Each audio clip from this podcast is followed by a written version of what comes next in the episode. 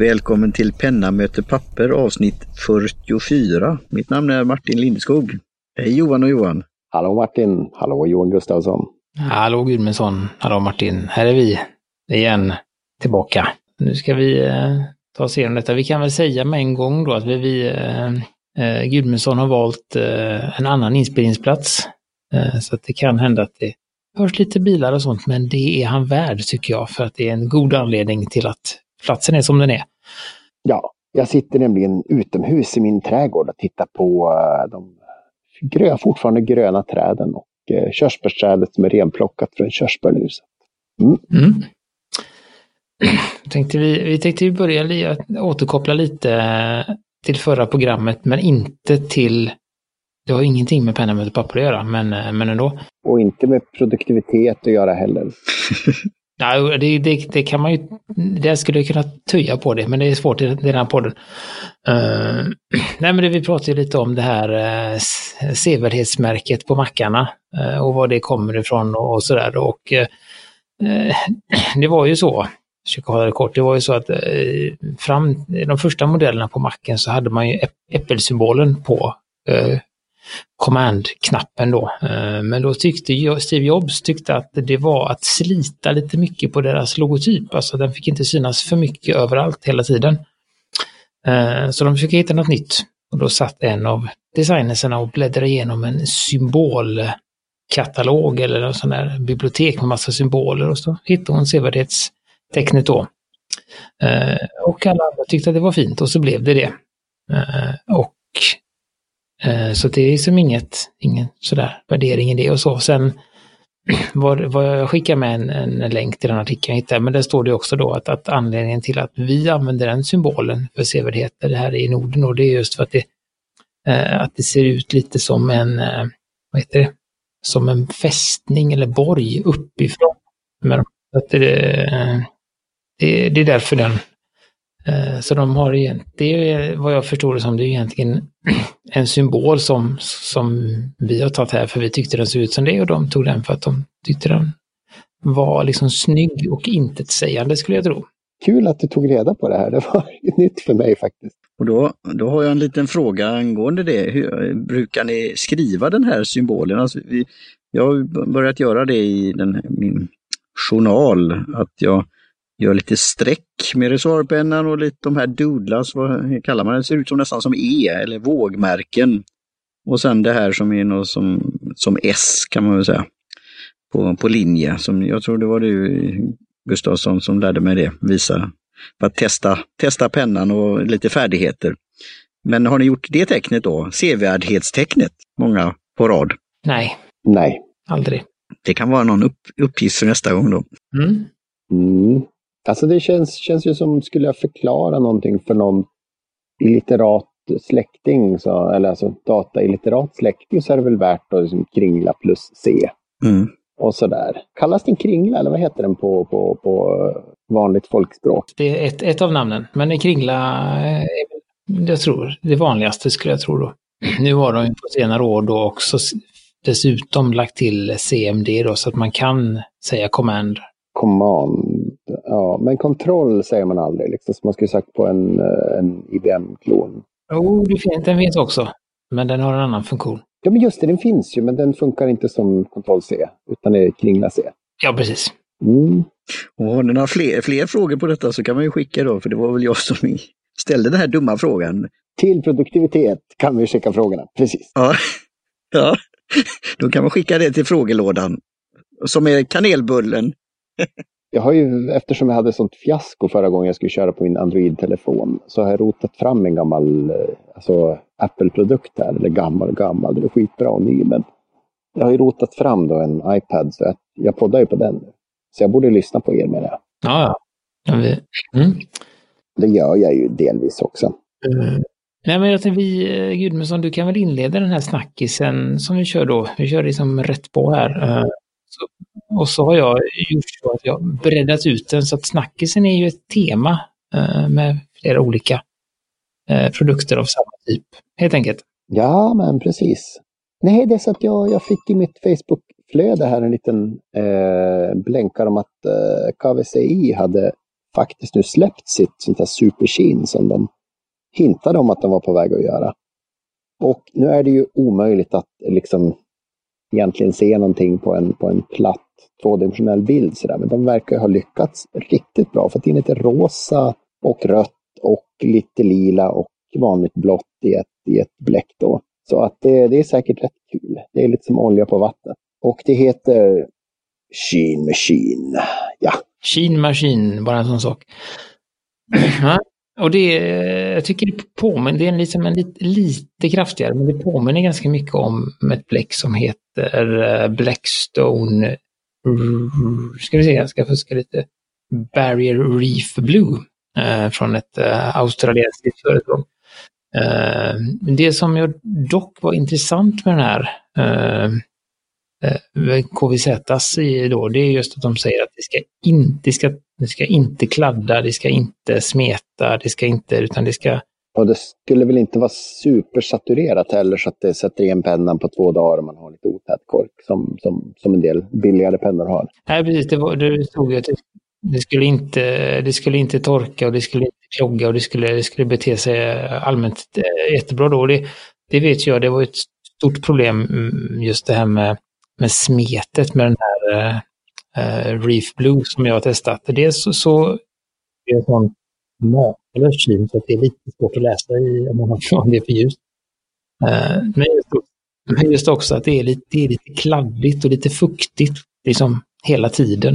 Uh, och är väldigt känsligt då för att smetas. Och det är, tycker jag har varit med många av de här kinglansbläcken då, just att de, de inte riktigt, ja, man får se men inte röra.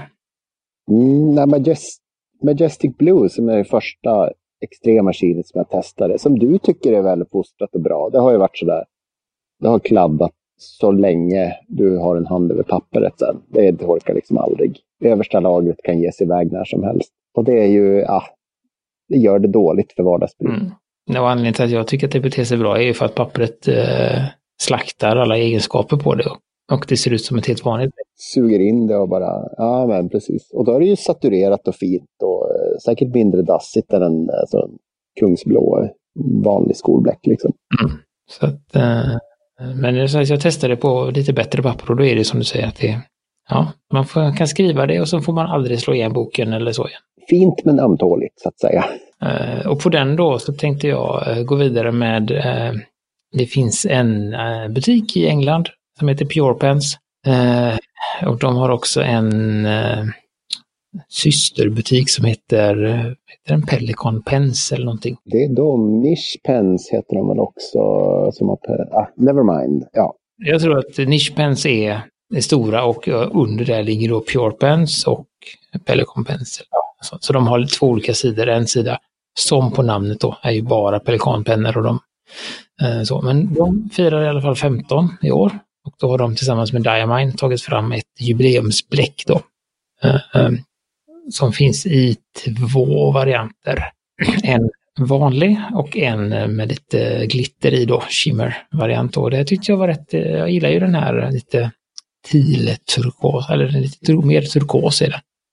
Eh, men har en ganska härlig eh, lagom skuggning och sånt. Så att den, mm, den var trevlig och det verkar som att det är någon, eh, en chans om man säger så. så att inget, inget, om man nu klickar på länken och ser den här och man gillar den så det är det ingen rekommendation att vänta utan det bara köra som det är en sån begränsad eh, upplaga där på den.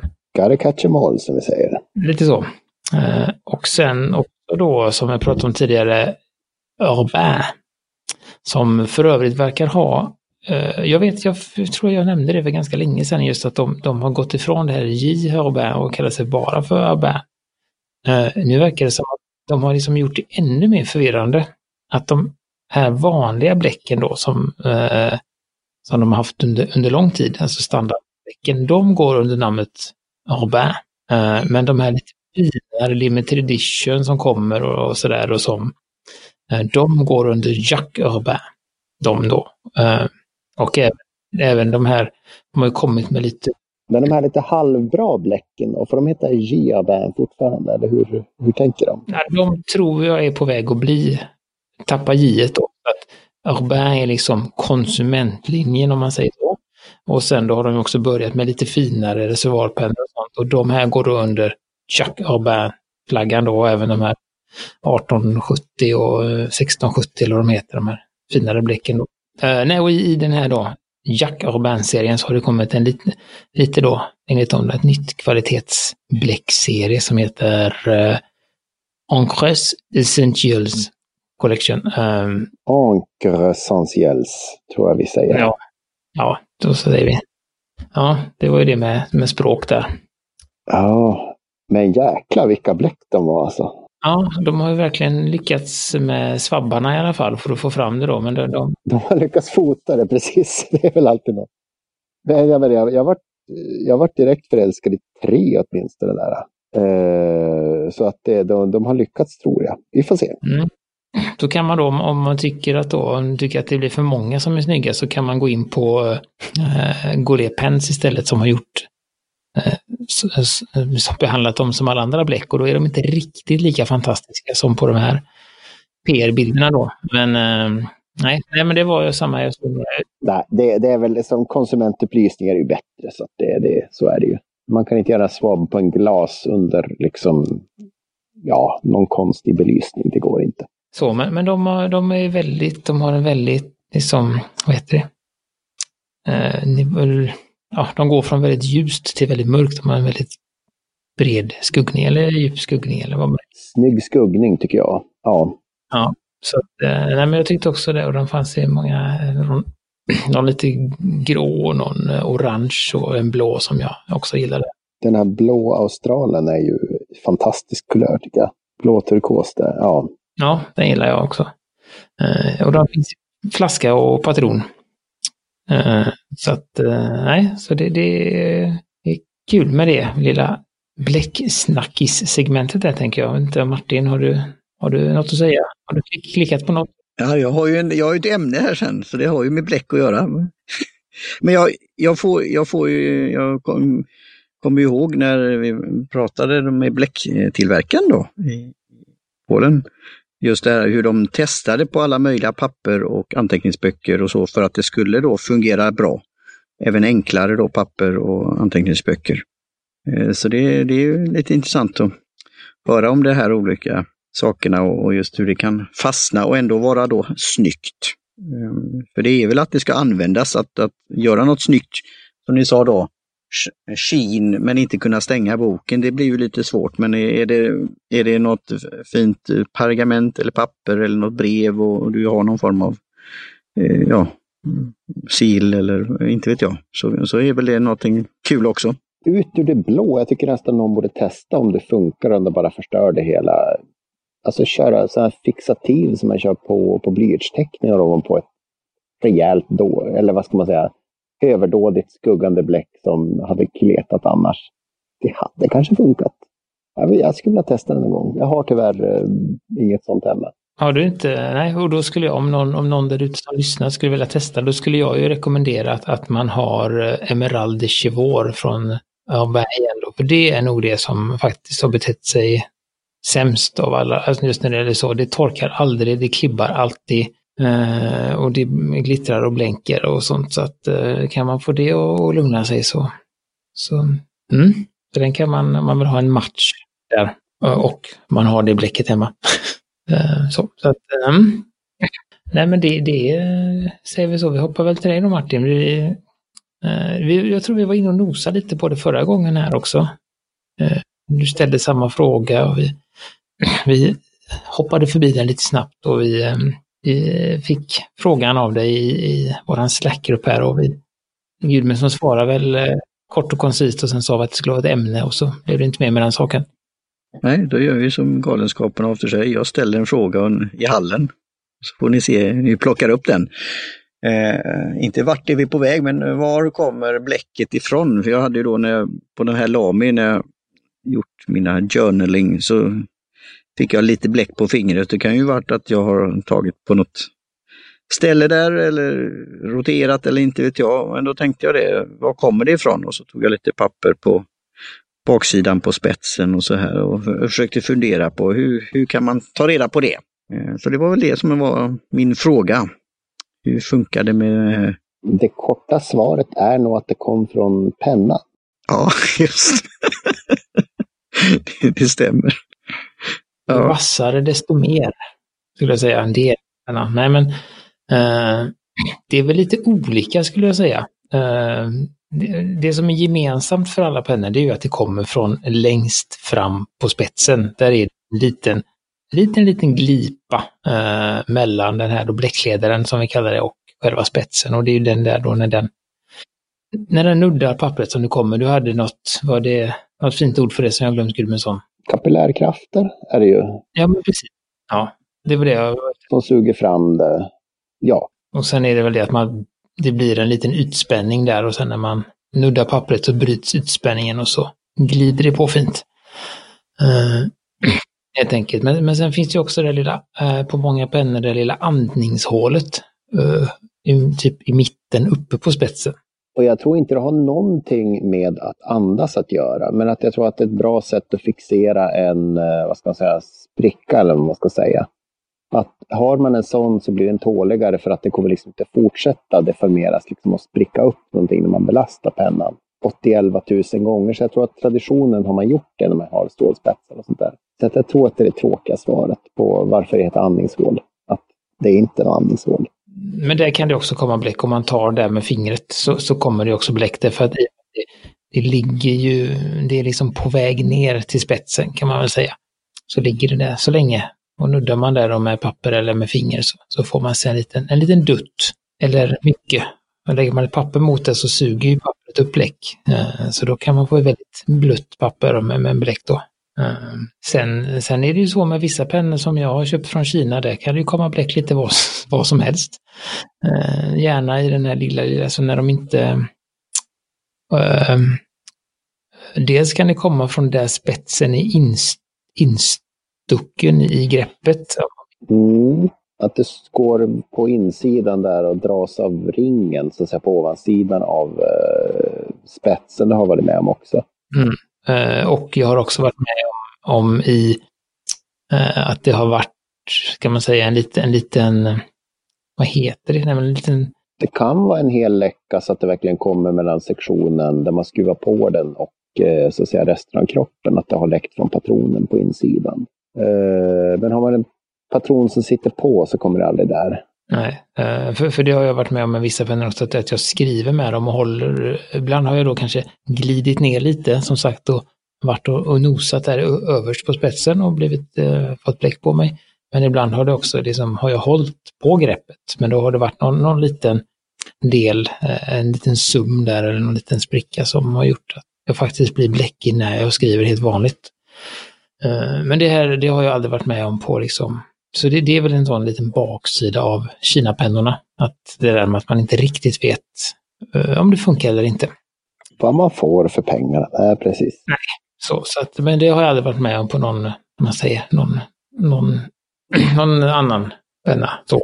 Uh, och sen finns det som sagt, det finns, det finns ju, det har ju hänt, det har ju blivit så på senare år att det har även kommit, ska man säga då, situationstecken är riktiga pennor från Kina. Alltså de har börjat att göra egna, egna, egna designs och lite bättre kvalitet och sånt och inte bara, som vi pratade om för jättelänge sedan, inte bara göra eh, snarlika alla andra utan eh, de har eh, sådär. Men, men det är just de här 30, 10, 10 20, 30 kronors pennorna som, som man inte riktigt vet vart, vart det kan börja läcka och när. Alltså, jag är ju, jag är ju fortfarande, jag tycker att Jinhao 992 är ju bland de trevligaste pennor jag har skrivit med. Alltså just om man tänker på spetsen och, det, man, det man vill ha när man, när man skaffar en liten penna. Men eh, alltså köper du tio så är ju åtta bra och två är ju inte bra. Så att det är ju fortfarande den kvalitetskontrollen. Mm, ja, men, men, så, men, men, jag vet att det är några som några riktigt dåliga jag har köpt då. Mm. så, men, men, det finns, Jinhao är en sån som eh, har, de, de har väl, som du säger, även ett, ett det är större chans att man får en bra penna än att man får en dålig penna med, med Jinhao oavsett vilken modell av dem man köper. Uh, och det har ju gjort att, att uh, fler och fler liksom, butiker har börjat ta in dem direkt också. Jag vet att uh, som sagt Golepen i, i USA och Purepens som vi pratade om nyss, de har vissa modeller av Jinhao i sitt utbud. Då. Så att då, mm, så det är också en del i det där att de har kommit lite förbi den här kopiastämpeln utan man tar in dem för, för att det är ett, ett märke som alla andra. Mm.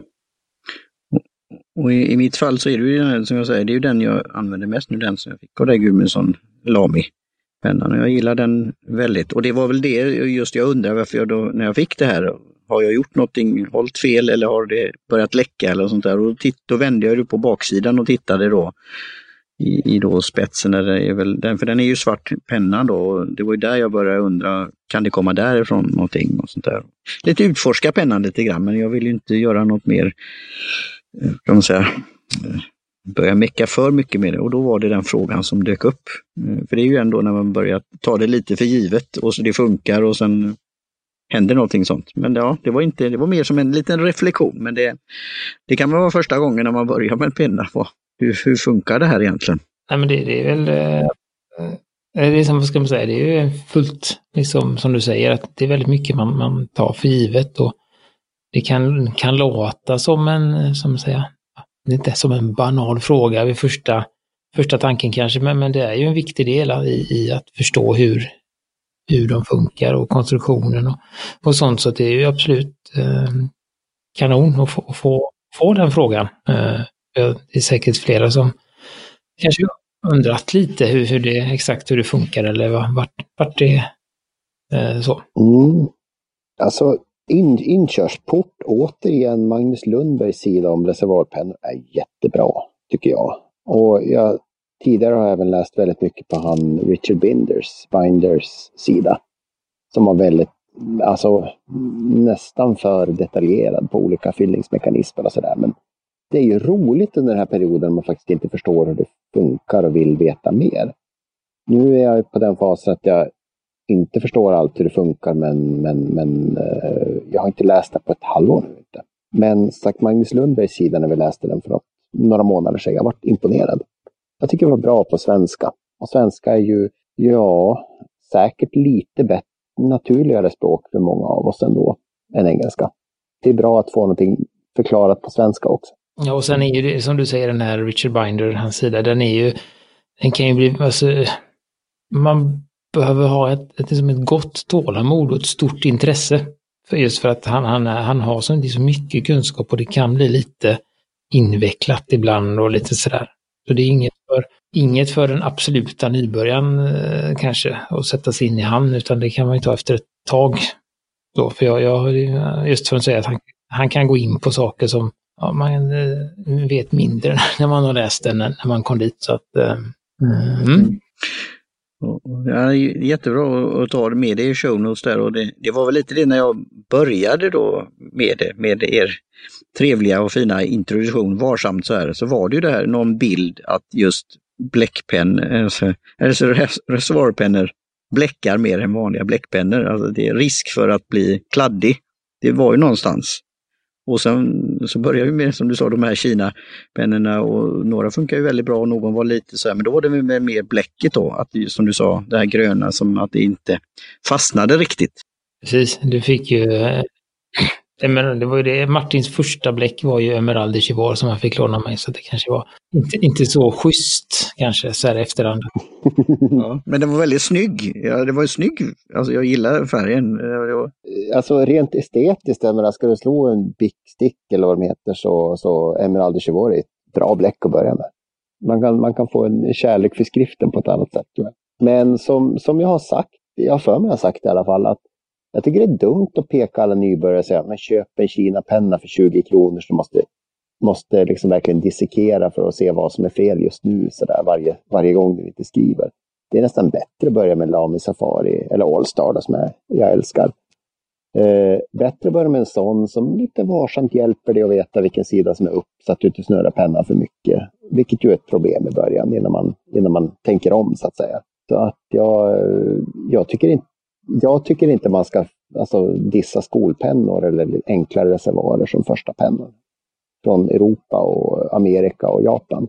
Nej, och jag, jag, tycker också en annan sak som är just med, med, med safarin där, det är också att den är, tål ju hårda tag. Just, som man säger. Så när man börjar med, med reservoar så, så, är, så är man för hårdhänt. Man trycker för hårt, man är van Man måste liksom rista in.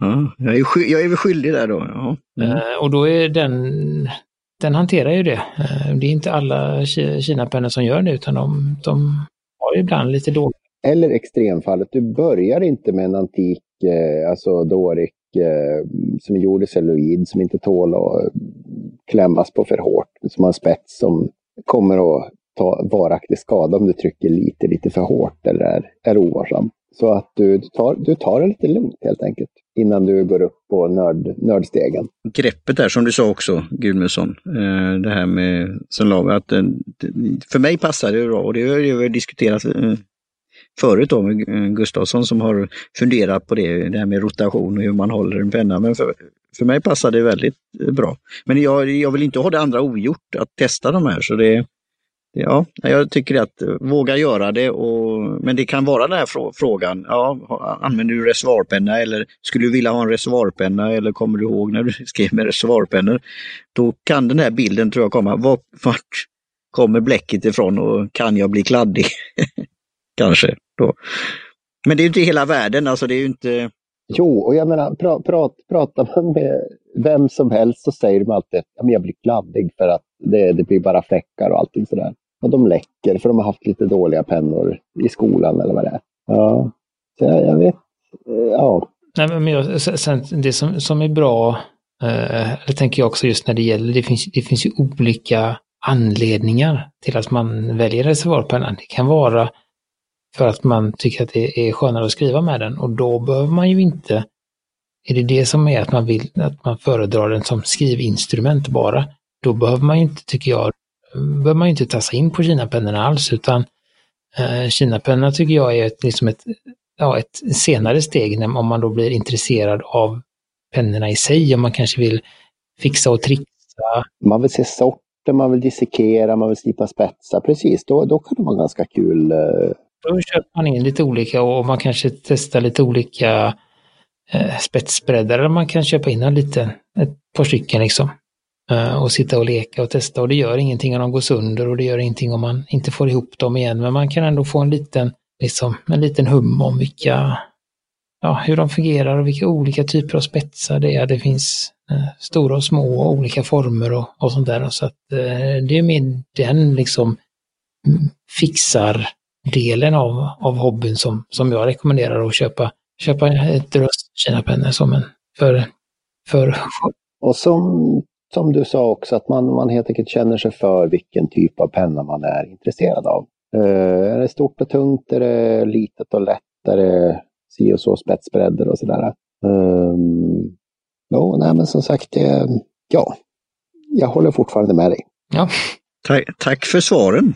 ja, tack för frågan. Ja, men självklart. Tack för ämnet. Mm, precis.